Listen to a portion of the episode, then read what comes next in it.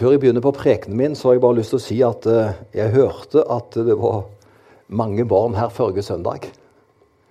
Og jeg ser at det er mange barn i dag. Altså alt er jo relativt, men i forhold til eh, det vi har hatt, så må vi si at eh, det er også en bra økning i dag når det gjelder barn på søndagsskolen. Og det som jeg har bare lyst til å si, la det være et bønneemne gjennom sommeren. At vi ber om at når vi starter igjen til høsten, så er besteforeldre og foreldre for barna kan jo ikke komme sjøl. Nå ber vi for besteforeldrene og ber for foreldrene at de tar med seg barna. De som har i en aktuell alder å ta med seg til søndagsskolen. For det er så viktig, og det har vi som et konkret bønneemne. Og Første søndagsskolen etter i dag det er kickoff den 21. august. Så da har vi god tid til å forberede oss akkurat på det. Vi har gudstjenester før det. Vi har gudstjeneste nå på søndag. Det blir den siste live før eh, ferien. Da taler andre. Og så er det fem digitale som vi skal spille inn i morgen, Andreas. Du har husket det? Da tar vi, Jeg har med meg fire dresstrøyer. Så at dere tror at jeg har talt inn rett før hver søndag. Eh, men jeg har samme skjorte, men ulike dresstrøyer, så ser det jo litt forandring ut til hver søndag utover. Så dresstrøyene er på plass, og talene mine er på plass. Vi skal spille inn fem stykker i morgen. Og det blir da digitale gudstjenester som kommer på søndagene i juli. Det er jo fem søndager i juli. Og så er det første live igjen den 7. august. Og så går det utover, og kickoff altså den 21. august august, da er det vår nye ungdomspastor Bjørnar Torbjørn som, som taler. Han begynner jo 1. august. Han taler også før uh, den 21., men han taler også da. Så alt dette ser vi fram til med glede. Det var litt sånn kunngjøringer. Og så begynner jeg nå på min tale. Og jeg skal komme med en sånn en uh, Jeg ser jo at uh, Og det er vel det som gjør at vi lever, at vi stadig er i utvikling. Stadig forandring. Jeg ser på noen av de talene som jeg holdt da jeg var ung. Jeg kunne aldri holdt de i dag. Det var for enkelt, altså. Og det var for sort-hvitt. Eh, ikke sant? Med årene så får du flere farger fram. Du ser at livet det er liksom bredere enn det du gjør når du er ung og radikal. Og, ikke sant? De unge skal være sånt. Vi må ikke kjøre for mye farger på de, det kommer etter hvert. det. Men jeg mener når vi er blitt litt eldre, så er det fint å ha litt mer fargerik. Og jeg sier dette for den talen som vi skal ha i dag, den behandler jeg mye vakrere enn jeg ville gjort om jeg talte om Nikodemus for 30 år siden. For da var Nikodemus en feiging som kom til Jesus om natta. En sånn en type vet du, som uh, var fariseer, og som vi ikke likte så godt. Altså, Da ga min forkynnelse litt preg av ja, han kom om natta, ja. Men i dag skal jeg tegne et vakkert bilde av Nikodemus også. For det, jeg ser også Vet du hva? Jeg ser perler i den personen. Og derfor gleder jeg meg til å si noe om han som kom til Jesus om natta, Nikodemus. Og du leste jo teksten fra Johannes evangelium kapittel 3. Og så leste vi da de 16 første versene selv om selve dagens tekst er de 13 første. Så da skjønner du hva jeg skal tale om i dag. Det er mannen som kom til Jesus om natta. Som regel Der har du han. Eh, jeg syns det bildet også tegner en atmosfære. Ikke sant? De måtte ha på lys inne. Ute var det jo mørkt. Og det var noe sånt at eh, det var ikke selskapslokaler, men det var en enkel ramme til en samtale mellom en som kom om natta. Han var tydeligvis rådvill. Og så møter han han du, som er livet. Han som er alt hva vi trenger. Og så ble det jo en spennende samtale ut av det. Som regel så var Jesus omgitt av vanlige mennesker. Og det er jo det det meste av. ikke sant? Det meste av sånne vanlige A4-mennesker. Sånne gjennomsnitter. Men i teksten i dag så ser vi ikke Jesus sammen med det vi kan kalle for vanlige mennesker. Han er i kontakt med en person som representerer overklassen. Et høyere nivå, hvis vi skal si det sånn, sosialt opposisjon. Han bodde i Jerusalem og tilhørte overklassen. Det var Nikodemus. Vi vet lite grann om den personen der. Han måtte være rik. For da Jesus dør Jeg vet ikke om du har fått med deg den detaljen. Det er nesten bare predikanter som får med seg sånne detaljer. For de tenker det kan være godt med en gang når de skal preke. For det står faktisk alt om Nikodemus i Johannes evangelium kapittel 19. Da er Jesus død. Og så skal Jesus begraves. Og der plutselig kommer Nikodemus fram. I Johannes evangelium kapittel 19 og i vers 39 står det Og det er i forbindelse med Jesu, at han skal bli gravlagt. Så står det Nikodemus, står det. Som første gangen kom til Jesus om natten. Det er jo teksten i dag. Kom også. Han hadde med seg en blanding av murra og aloe. Og så står det en interessant opplysning. Omtrent 100 pund. Altså, det var en så kostbar salve som Nikodemus salvet Jesu døde legeme med, at du måtte være stykkrei, du måtte være søkkrik for å ha råd til en slik salve som han brukte. Plutselig kommer han fram. Så er det sikkert følelser. Han hadde jo møtt Jesus flere ganger, står det her. Ikke bare om natta. Han bare kom igjen, står det. Og så har det skjedd helt sikkert noe med hans hjerte som gjør at nå skal jeg vise den personen en så ære at jeg skal salve han med den beste salven som finnes, og den best, mest kostbare. 100 pund. Det var kun rike som kunne gjøre det. Nikodemus var en fariseer. Og nå skal jeg si noe som jeg ikke hadde sagt for 40 år siden. Fariseerne var på mange måter de beste menneskene i landet. Det var det de var. Derfor var det veldig få som kunne være fariseere. Det kunne ikke overstige 6000 personer. Det var grensen. For det var sånne, de, de hadde gjennomgått en sånn hva skal jeg si, utvelgelse. At skulle du bli fariseer, da måtte du være uklanderlig. Altså, Det var de beste menneskene rent menneskelig sett som ble fariseere. Og det som var det viktigste for fariseere, det var de måtte holde loven. Altså, De måtte vise et liv, de, som gjorde at det, det var ikke bare noe som hang i, i bekjennelsen i ordene, men livet deres skulle gjenspeile den høye etikken som de sto bak. Så loven var jo det aller helligste for dem. Det var altså flott flotte mennesker som sto for egentlig gode verdier. Og det kunne ikke være flere enn 6000 av dem. Så sila ble de. Så det var, vi må bare si, det var flotte mennesker. Og det er ikke det flotte i menneskene som heller Jesus noen ganger går imot. Det er mer at selv flotte mennesker kan utvikle feil motiver. Men det er noe annet. Men i utgangspunktet så var det egentlig flotte mennesker.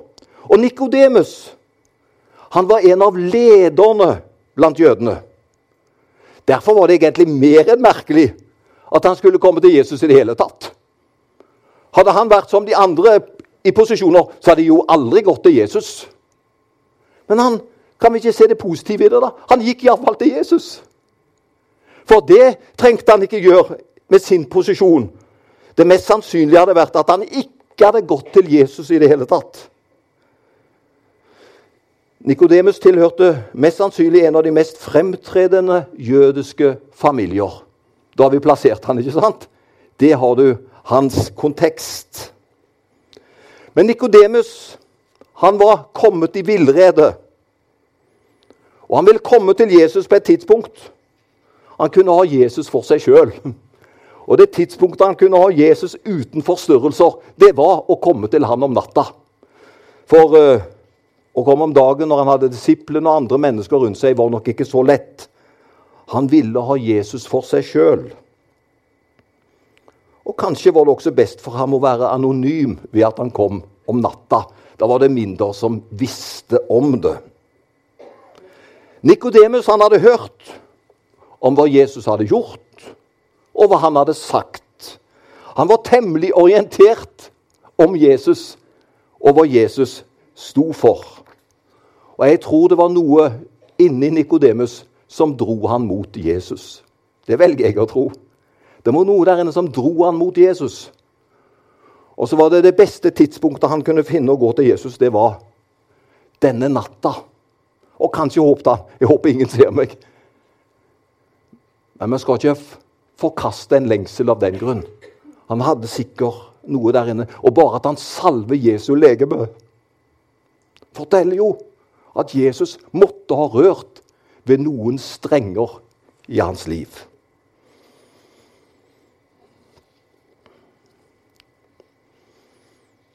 Det er veldig godt at det finnes muligheter for oss å komme til Jesus uansett når det måtte være. Og det har jeg lyst til å si nå, kommer evangeliet rett fram. Det er alltid en åpen dør for oss til å komme til Jesus. Hos han står døra alltid åpen, bokstavelig talt natt som dag. Det viser teksten oss her i formiddag. Døra inn til Jesus er alltid åpen. Og du må aldri si til deg sjøl, du som er her i dag Jeg kan vel ikke komme enda en gang. Jeg kan vel ikke komme på dette tidspunktet. Det passer vel ikke. Hør! Det passer alltid å komme til Jesus. Uansett når det måtte være. Han har ikke låste dører. Han har åpne dører, og vi kan komme til han uansett hvordan din og min livssituasjon er. Vi kan komme til ham med våre spørsmål. Jeg har hørt noen har sagt at jeg vet ikke om jeg tør å stille de spørsmåla. For det hender noen ganger vi har litt sånt Passer det? Er det ubehagelige spørsmål? Og så videre. Ingen spørsmål som vi kan stille til Han, er upassende. Vi kan stille dem alle sammen. Vi kan komme med vår tro, men vi kan også komme med vår tvil. Vi kan komme med vår trygghet, men vi kan også komme med vår uro. Vi kan komme med våre bekymringer og vår utilstrekkelighet. Alt kan vi komme til Han med. Han vil aldri flire av deg.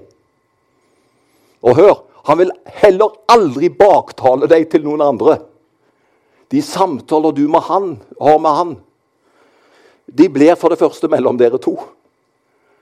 Og så er han så full av respekt. Det finnes ikke en person som har gått på jorda, som har vist et sånt menneskesyn. Som har vist en så respekt for mennesker som det Jesus har, og fortsatt gjør. Han behandler oss slik som himmelen behandler oss. Hvor finner jeg han, da? Jo, du kan finne han gjennom en enkel, oppriktig bønn. Eller du finner han når du går til Guds ord og leser der. Der opplever nok jeg at jeg finner han mest. Det er når jeg leser et eller annet i Bibelen som sier ja, men da taler Jesus til meg der. Der er han. For han er jo i ordet. Han er ordet. Men du kan finne han like sterkt i bønnen. Du kan finne han like sterkt når du samtaler med en annen. Mange som opplever Gud taler bare gjennom en fin samtale du har med en medvandrer.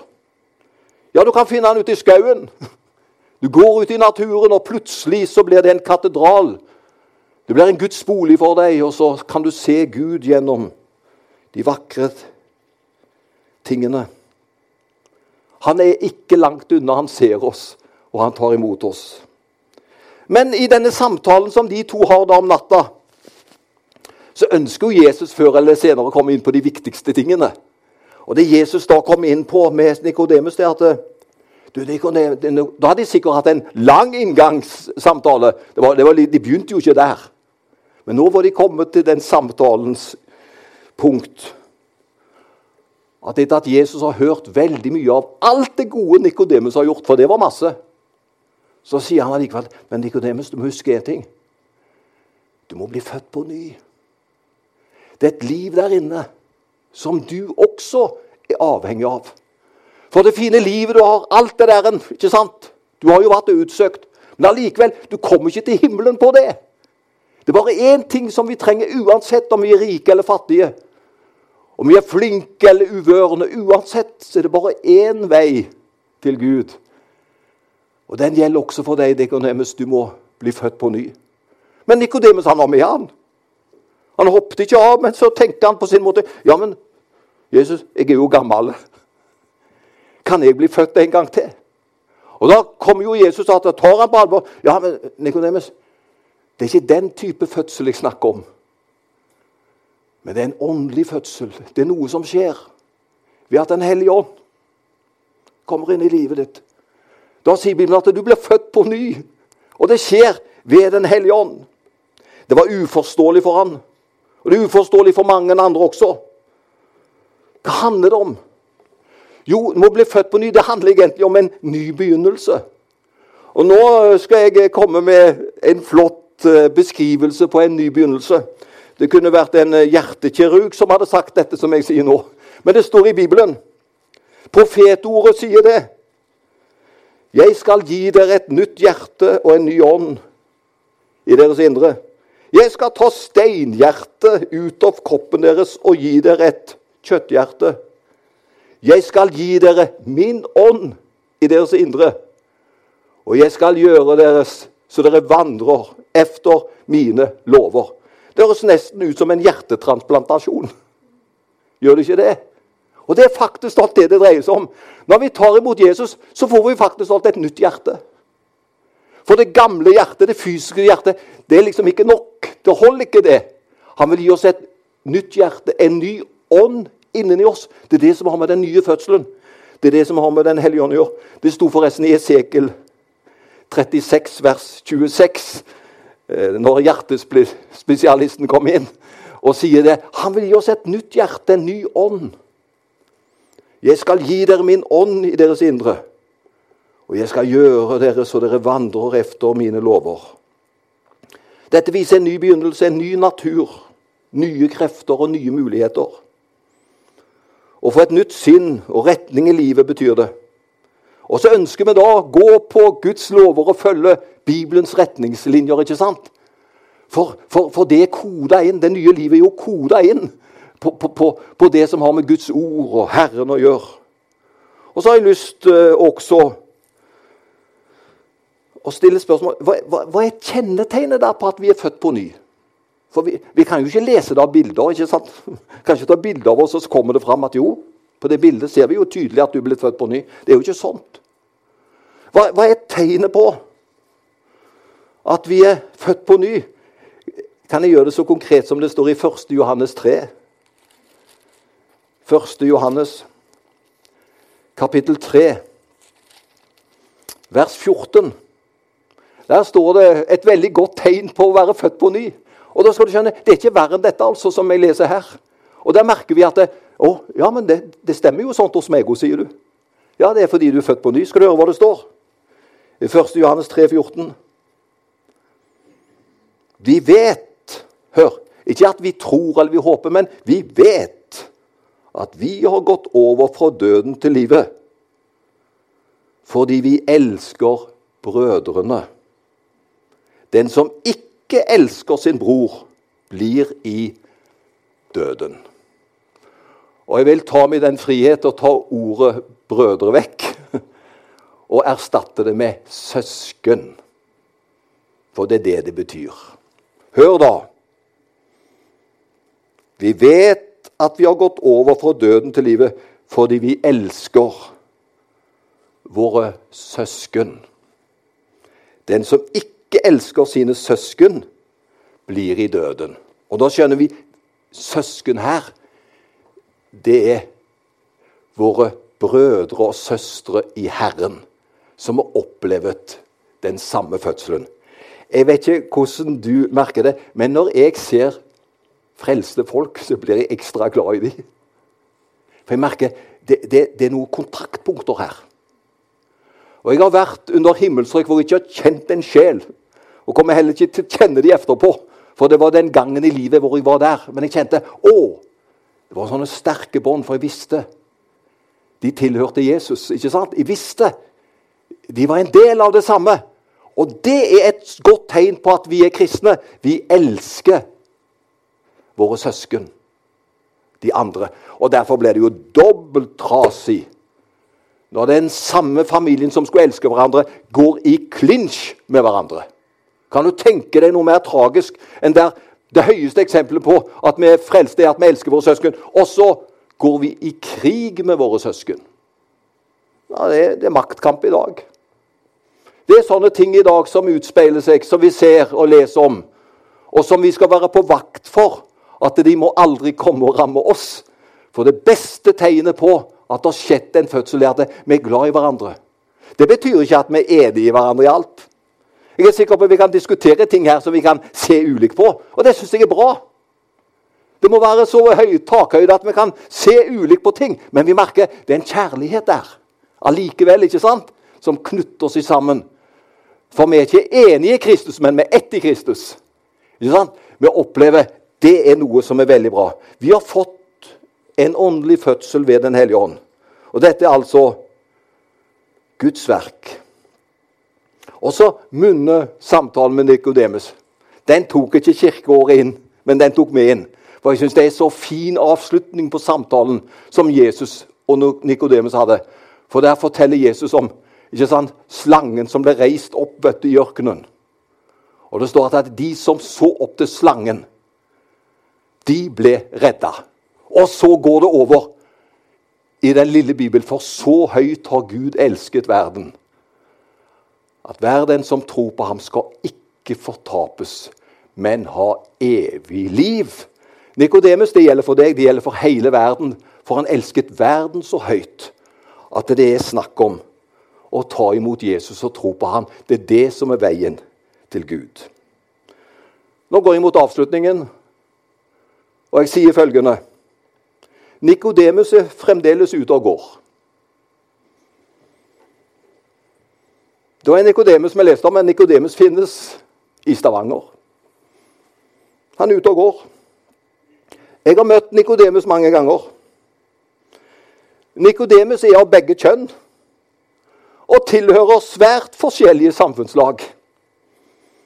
Felles for dem, Nikodemuser, er at de svelger ikke unna den dogmatiske kristentroen i et jafs. De ønsker å plukke litt her og hente litt derfra. De har sans for at Kirken er der, særlig når de trenger den.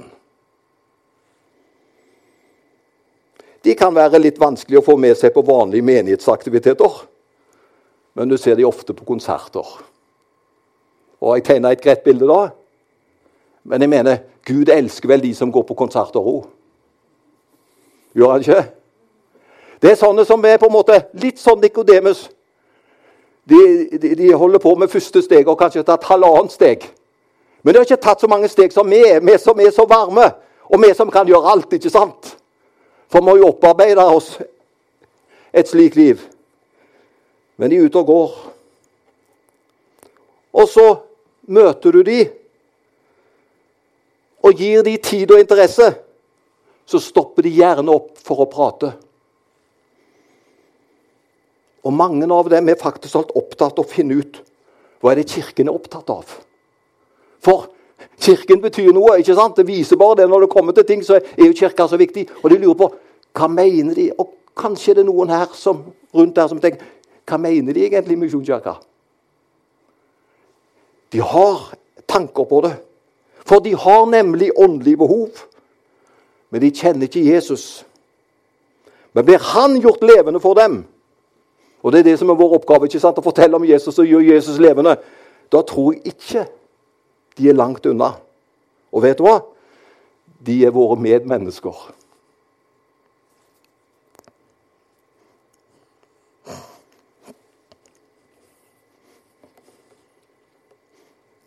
Skal vi be?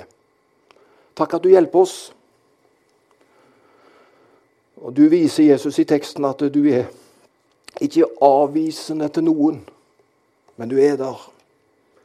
Hjelp oss, Herre, at uh, vi har åpne dører, og ikke låste dører, Herre, men at vi, vi ønsker så gjerne å komme nær folk og hjelpe oss at vi kan se våre medvandrere, også de som er nikodemuser i dag.